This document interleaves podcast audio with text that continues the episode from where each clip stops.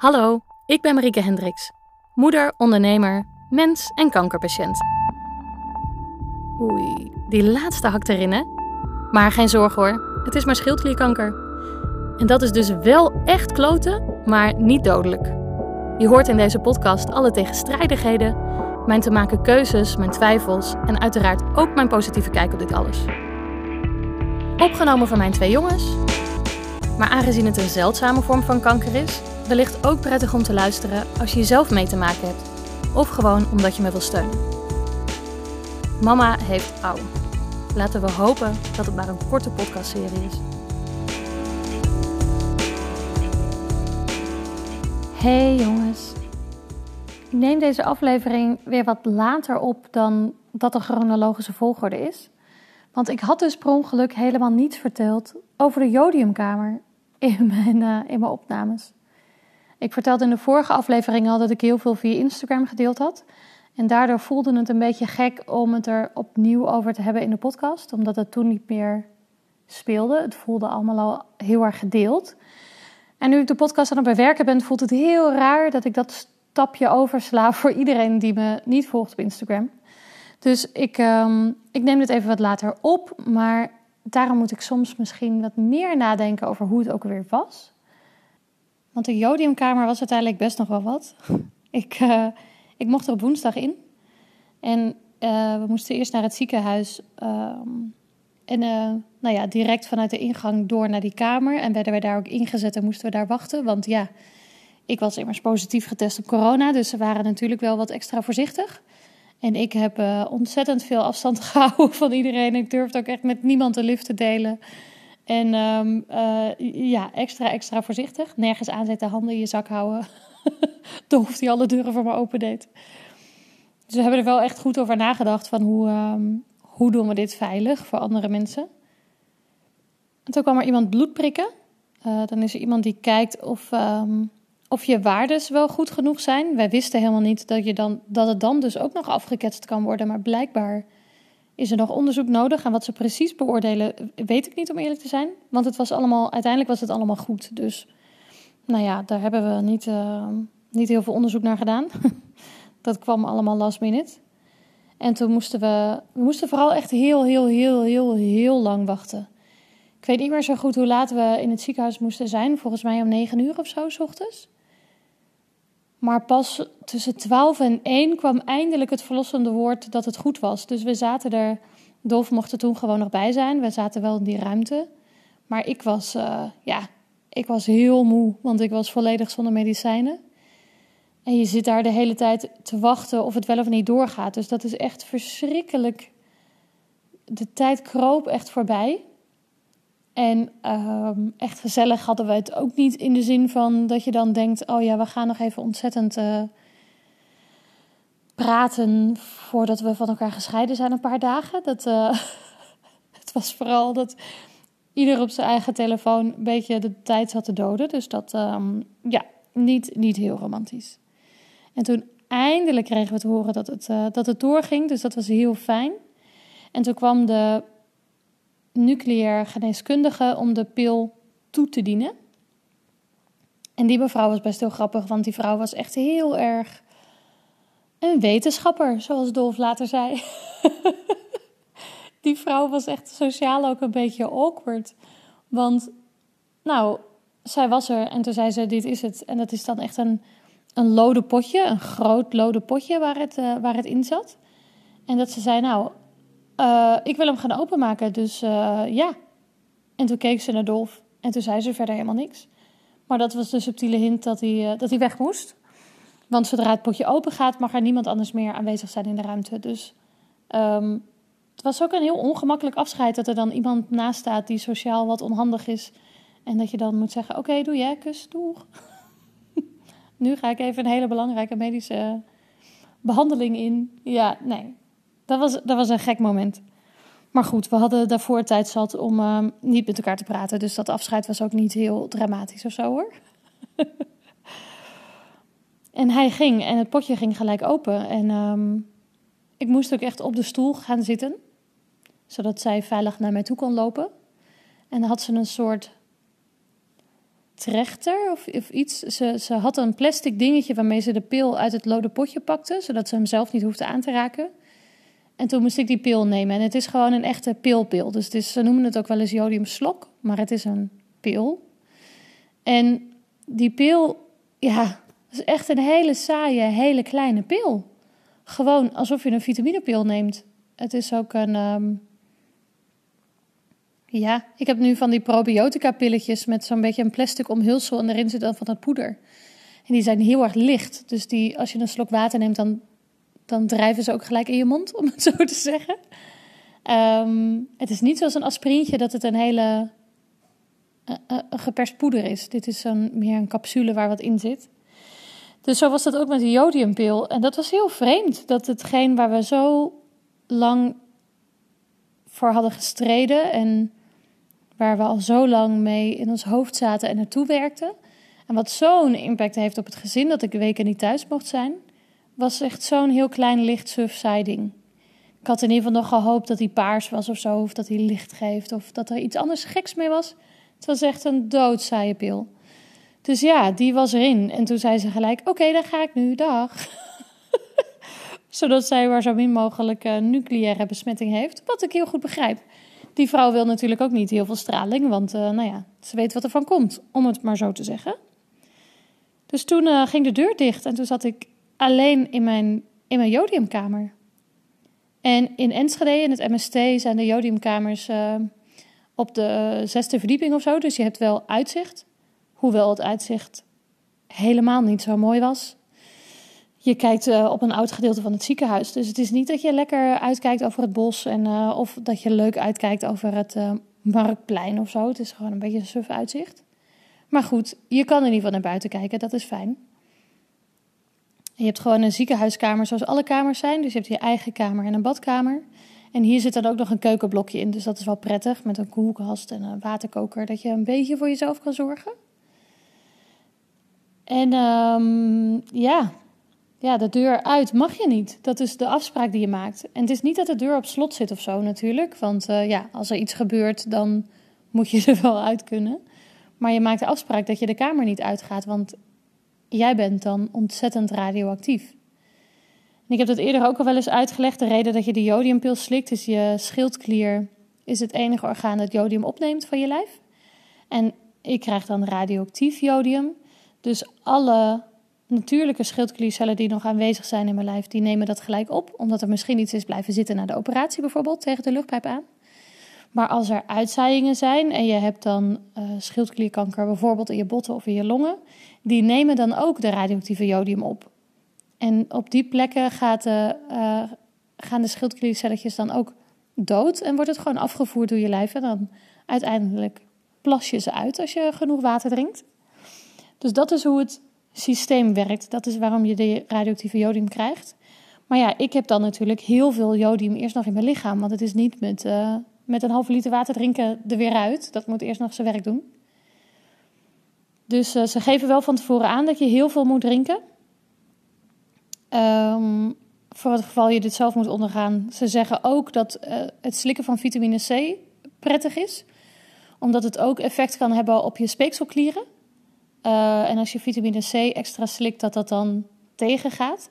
En het kunnen of vitamine C pillen zijn, maar je kan bijvoorbeeld ook van die um, Napoleon zuurtjes, die snoepjes, die, die ronde ballen, dat je die uh, de hele dag door eet. Um, zodat je speeksel blijft aanmaken. En daar zit misschien wel of geen, geen idee, ook vitamine C in. Maar dat schijnt allemaal niet wetenschappelijk onderbouwd te zijn. Maar het ene ziekenhuis die is daar heel actief in om dat te stimuleren. En in Enschede doen ze dat niet. Dus iemand had mij daarover getipt en die had ik zelf meegenomen. En van die pil word je verder helemaal niet ziek. Je hebt er geen last van. Um, ja, je schildklier die, die is al verwijderd. Dus in die zin merk je dat ook niet, dat, dat die cellen aangevallen worden. En um, ja, ja dan is het gewoon wachten. Waar je wel ziek van bent, is dus het niet hebben van je medicijnen. Want dan mag je daar ook nog niet mee beginnen. Dus dat is dan wel jammer. Het is niet dat je gelijk fit wordt. en um, voor mij waren juist die, uh, die Napoleon snoepjes, daar werd ik heel misselijk van. Dat is wel een bijwerking die je kan hebben. Sommige mensen worden heel erg misselijk van de pil. En um, dat had ik op zich niet. Het was niet dat ik me heel super lekker voelde. Ik had wel af en toe een beetje een, een vlaag van misselijkheid. Maar daarvan dacht ik van nou, dat is, uh, dat is goed te doen. Ik hoef geen antimisselijkheidspilletjes te nemen. Dus uh, nou, dat, dat ging gewoon wel aardig. Heel veel water drinken. En uh, ik wilde vooral heel veel roosvisé drinken. Ik werd van het water ook een beetje... ja, ja, ik had geen medicijnen op dat moment. Dus mijn hele lijf was heel erg langzaam. En ik had niet heel veel behoefte aan eten of drinken. Ik heb die woensdag ook erg weinig gegeten in het ziekenhuis. Omdat ik dacht. Nee, niet omdat ik dacht, gewoon omdat ik er geen behoefte aan had. Je lichaam is dan zo langzaam en je schildklier is degene die je voedings. Uh, die je voedsel omzet in energie. En die schildklier deed het bij mij niet, natuurlijk, want ik had geen medicijnen. Dus als ik wel eet, dan alsnog krijg ik er geen energie van. Dus ik had ook geen behoefte aan eten. Ik had geen honger bijna. En uh, mijn schoonmoeder staat voor de deur. Dus ik ga heel even open doen. Goed, lang verhaal kort. De kamer is prima, de nucleair geneeskundige een beetje ongemakkelijk. En um, de behandeling was begonnen. Dus daar zat ik dan in mijn eentje in de kamer. En het is een hele, hele, hele saaie kamer om dagen te moeten verblijven, want er is gewoon niks. Er is niks te doen, er is niks te zien. En je mag de deur niet uit. Als er eten gebracht wordt, dan wordt dat gezet in een sluis. Dus je hebt dan uh, vanuit de gang gaat er een deur naar een klein gangetje in de sluis. En uh, dan kloppen ze op de deur en dan zeggen ze: Het eten staat er. En dan kan ik, als zij weer weg zijn, kan ik vanuit mijn kamer het eten pakken en weer terug mijn kamer in. En uh, dat is het. Dat is zeg maar het menselijke contact dat je hebt. Soms belden ze met de telefoon om te vragen hoe het met me ging of of ik wat te eten wilde. En dat was het dan. En natuurlijk heb je wel een tablet vanuit het ziekenhuis die, die geleverd wordt. Via de tablet kun je eten of drinken bestellen. Maar daar kun je natuurlijk ook uh, je eigen account van Netflix opzetten. En Disney Plus en de NPO-app. En, en alle dingen die je wil. Dus in die zin is er wel een beetje vermaak. En er is een vaste telefoon. Dus je bent ook vrij om gewoon bijvoorbeeld naar huis te bellen als je wil. Uh, maar ja, hè, 2022. Wie doet dat nog? Je gaat toch videobellen. Dus ja, zo was het. En die woensdag uh, zat ik helemaal vol met adrenaline. Het was natuurlijk in spanning wachten. Toen kwam die pil eindelijk. En ik was heel blij dat ik die mocht nemen. En uh, toen heb ik veel mensen gebeld of gevideobeld. En s'avonds om een uur of acht was ik helemaal kapot op. en heb ik uh, flink geslapen. Slapen ging in die tijd trouwens erg slecht, omdat door het, het gebrek aan medicatie was er een hoop mis in mijn lijf. um, het ging extreem langzaam. Heel, heel, heel, heel, heel langzaam.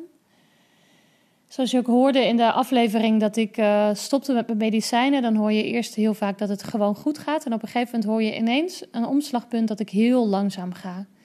En in de vorige aflevering dat ik in het huis van Frits ben, hoor je ook dat ik langzamer praat dan normaal gesproken.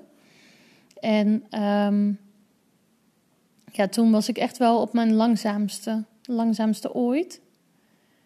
En de voornaamste problemen die je hebt dan is, uh, of althans die ik had, is dus dat je geen honger meer hebt en geen energie meer hebt.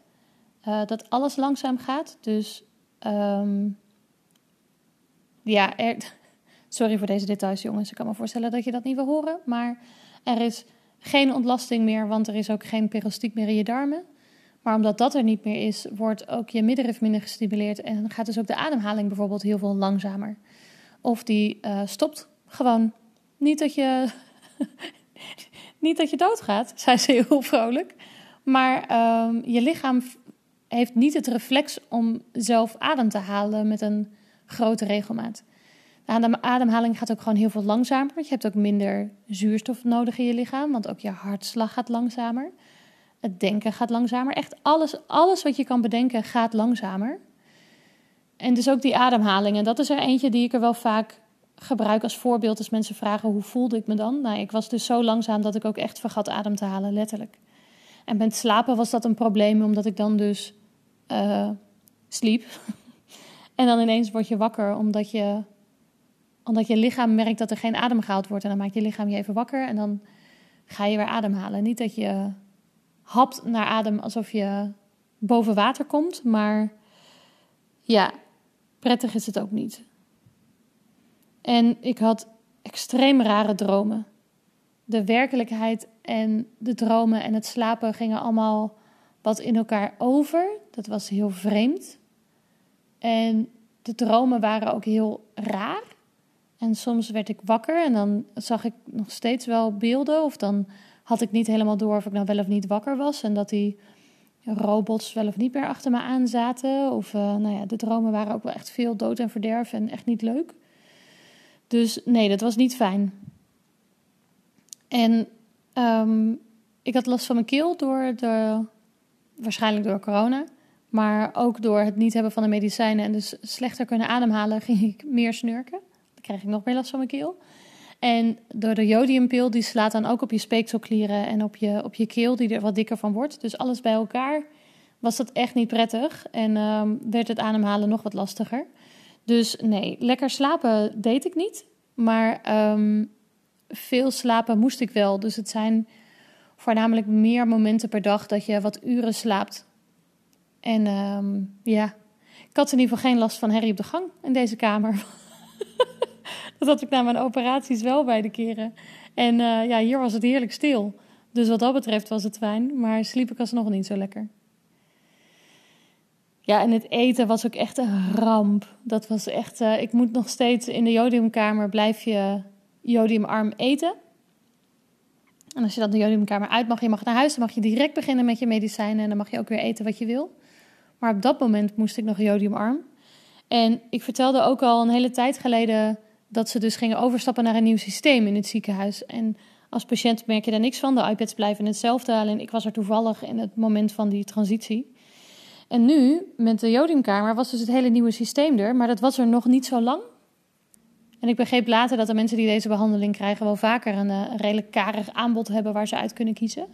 Maar nu was het wel echt heel extreem. Want op de iPad kun je dan aanklikken wat je wil. En uh, heel veel opties waren voor mij afgeschermd, omdat daar dan zout in zit of jodium in zit. Um, want je mag bijvoorbeeld, uh, je mag wel groenten, maar je mag geen spruitjes. Want in spruitjes zit dan te veel natuurlijk jodium. En je mag wel uh, pasta eten, maar de pasta mag niet gekookt zijn met zout. En zo'n ziekenhuis is natuurlijk een hele grote instelling, dus die krijgen heel veel kant-en-klaar binnen. En um, de pasta koken met zout, dat gaat dan waarschijnlijk nog wel, maar dat het dan ook echt helemaal jodiumarm in de saus is, dat is dan wel weer lastig. Dus, nou ja, lang verhaal kort, opnieuw. Een hele hoop dingen waren afgeschermd, maar ik kon wel de BAMI aanklikken. En ik had natuurlijk wel heel veel ziekenhuiservaring. En vooral in de tijd dat ik uh, in het ziekenhuis was met Sietse, bestelden we regelmatig de Bami. Want daar zit dan kroephoek bij en er zit satésaus bij. En uh, dacht ik, nou, dat is in ieder geval... Dat is zeg maar iets wat Sietse eet, satésaus en kroephoek. Hij eet dus als we...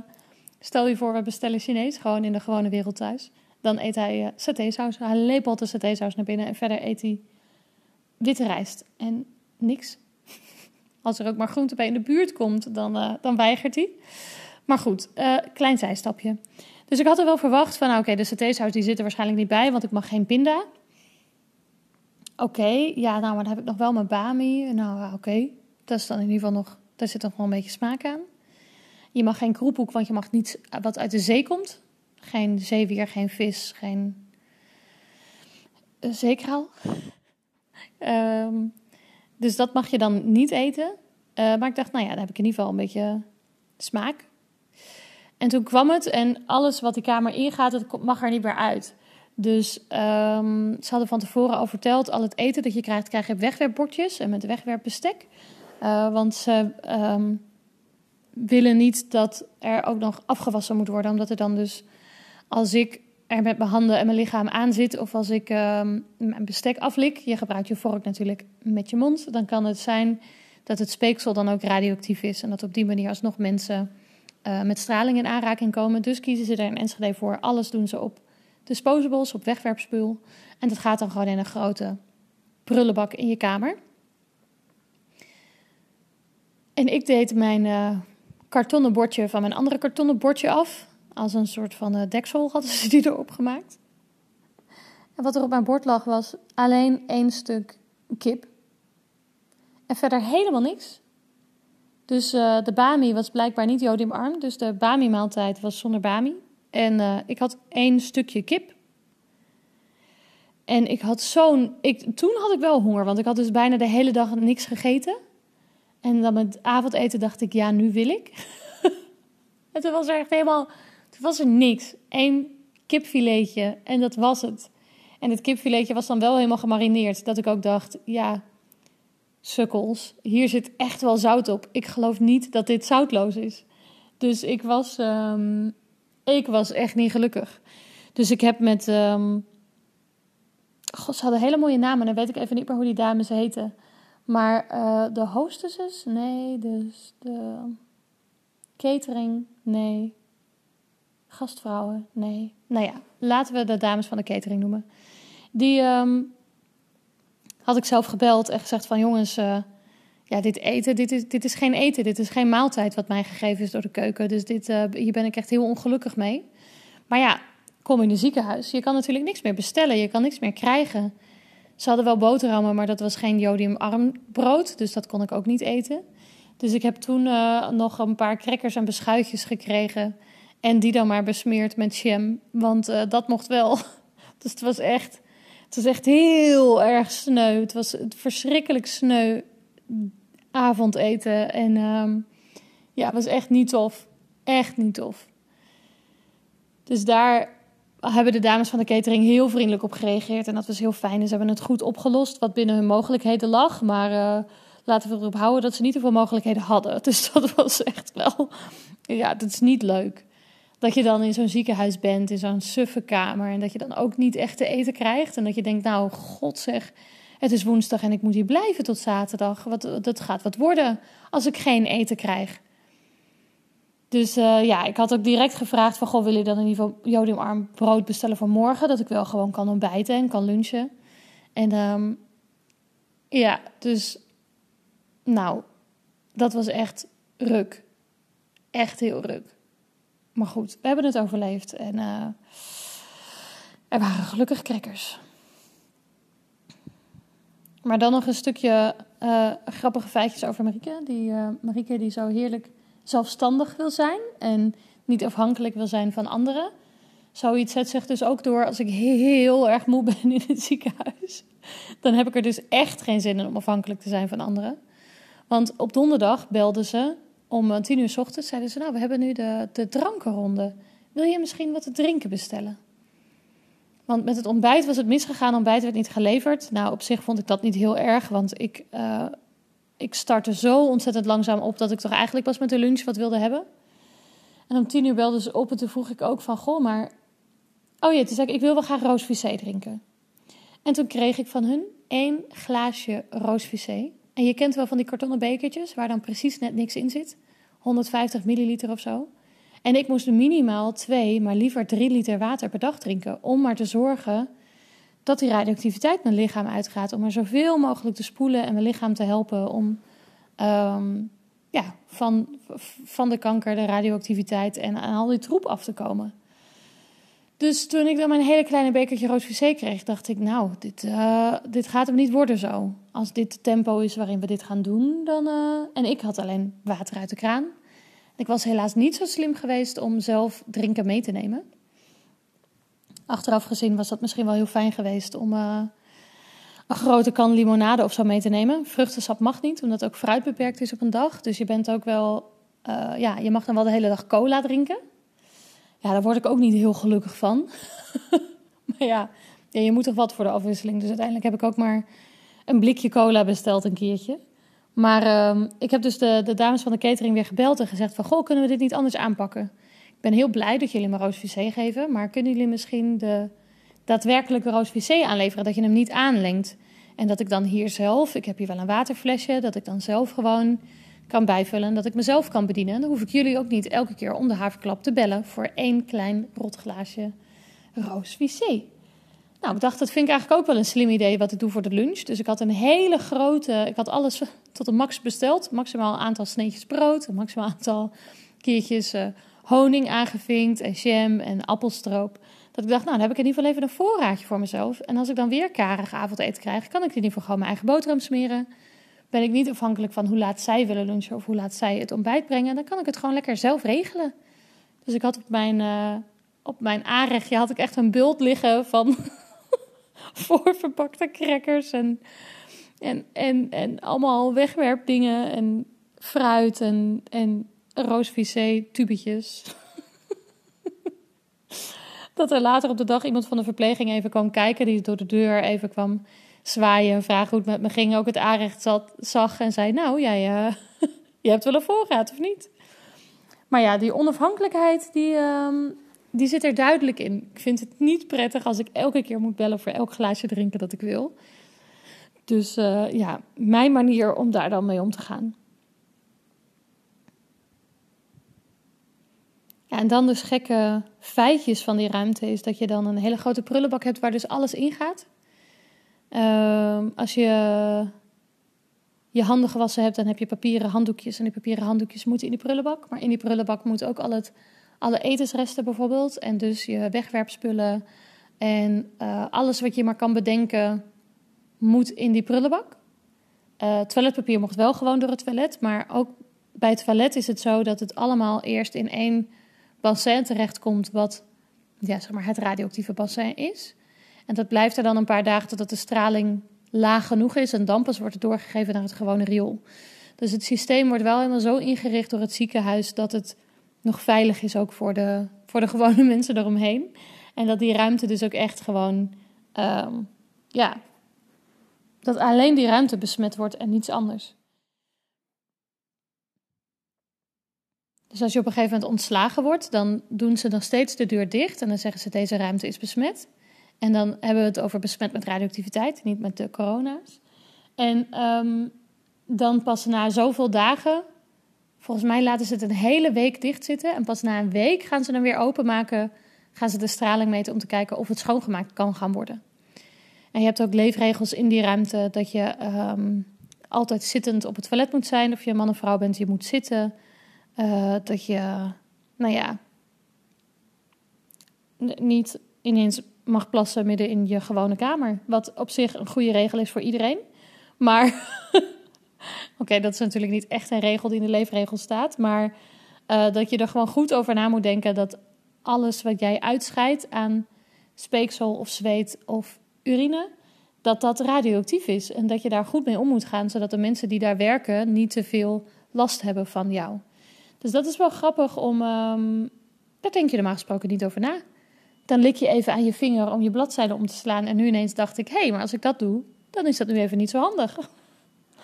Dus ja, een hele bijzondere ervaring, een gekke ruimte om in te zijn.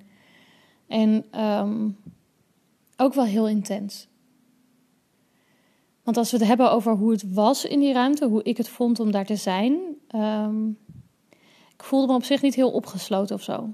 Terwijl mensen die zich afvragen van nou voel je een gevangene, dat viel op zich wel mee. Op een gegeven moment verveel je natuurlijk wel. Dus dan is het wel lastig dat je niet eventjes een rondje over de gang kan lopen om te kijken. Maar um, nou, dat was op zich goed te doen. Het duurde ook niet heel erg lang. Ik ging er op woensdag in en ik mocht er op vrijdag al uit. Dat was een heel groot voordeel. Nou ja, en op woensdag heb je eerst de dag dat je de pil krijgt. En dan duurt het even voordat het zover is. Dus pas in de middag ben je opgesloten in die zin. Dus dat is de woensdagmiddag, de hele donderdag en op vrijdagochtend mocht ik gelijk al naar huis. Dat was heel fijn en, um, en heel bijzonder. Normaal gesproken heb je allerlei doktoren die dan eerst nog wat van moeten vinden. En uh, heb je een heel erg de hiërarchie, dat de verpleegkundige wel zegt dat het prima is, maar die moet het dan eerst nog overleggen met die en die met die en die met die en die met die. En hier was het, oké, het meetapparaat zegt dat je naar huis toe mag, dus je mag gaan. Doei! En dat was het dan ook. En ik moest dan wel in één rechte lijn het ziekenhuis verlaten. Maar dat is dan vooral omdat ik positief was van corona. Maar gewone mensen mogen wel net, ietsjes meer.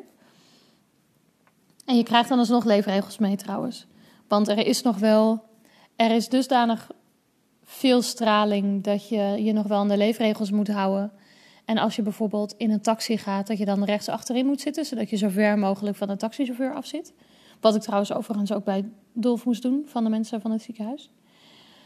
Ehm, maar het is, ja, het is genoeg dat je wel gewoon je in het, in het openbaar mag uh, begeven. Maar wat ik eigenlijk ook nog even wilde vertellen is dus dat het nog wel heel intens was die dagen. Want op donderdag was eigenlijk een, um, een rustdag, om het zo te zeggen. En die dag was wel echt heel zwaar.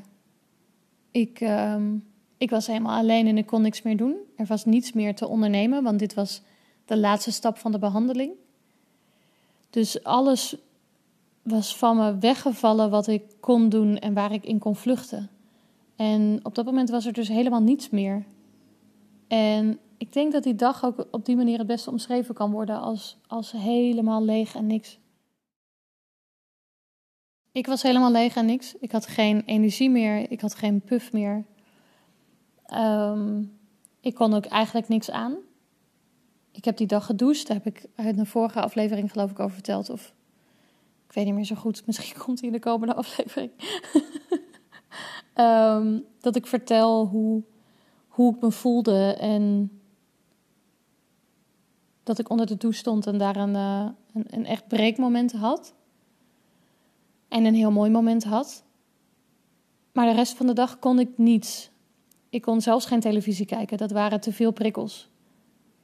Ik kon op mijn bed liggen. Ik heb een paar keer gehuild. Ik kon een beetje op Instagram kijken af en toe. Uh, ik kon ook wel wat delen op een gegeven moment op Instagram. Heb ik wel een, een uitgebreid bericht geschreven over hoe ik me voelde en, en hoe verrot ik op dat moment was. Maar ik kon verder niet zo heel veel. En de hele dag heeft dat geduurd tot aan ongeveer het avondeten. En toen kreeg ik weer een beetje energie. Toen heb ik ook een, een fatsoenlijke maaltijd gekregen. Overigens, de dames van de catering hadden me gebeld en hebben we samen doorgesproken. Wat mag je wel, wat mag je niet? Hoe zorgen we ervoor dat je een vol bord krijgt? Dus dat was heel prettig.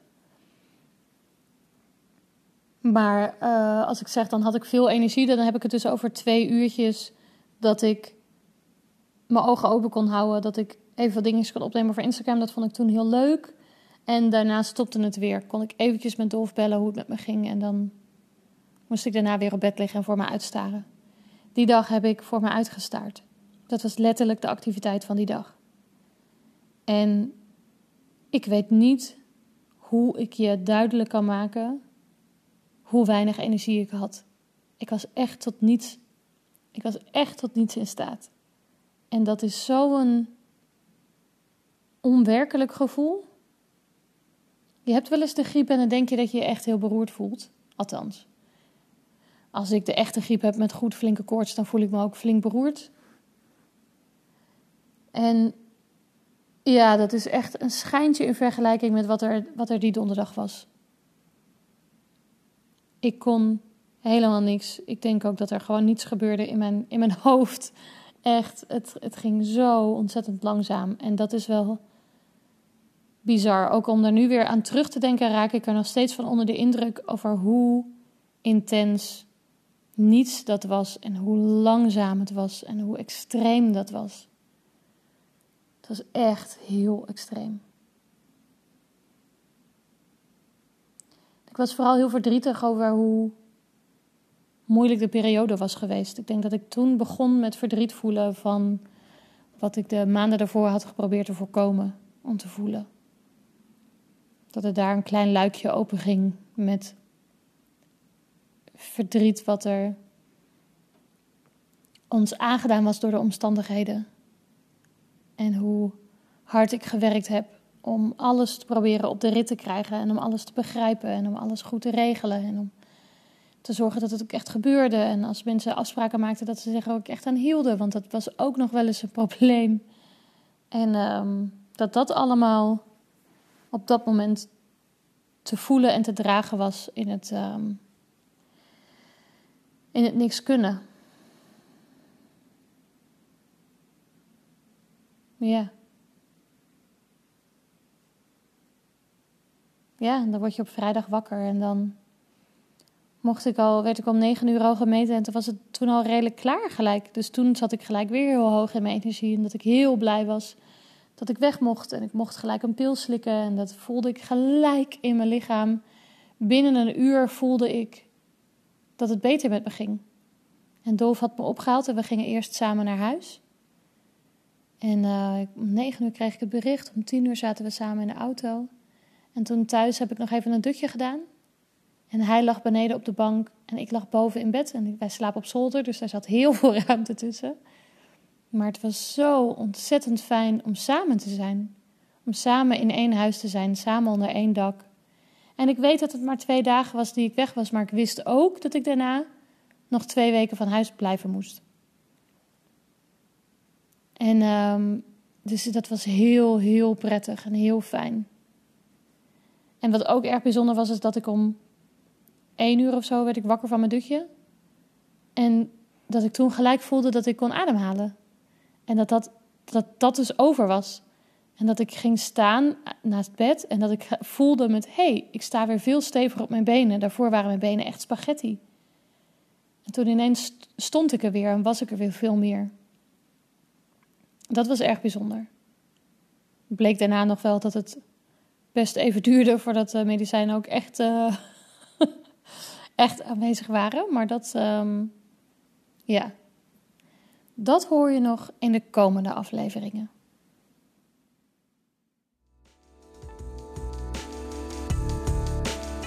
Wil je me helpen? Like en deel deze podcast dan. Wil je meer van me zien, horen en lezen? Volg me dan op Instagram, zora.libre. Tot snel!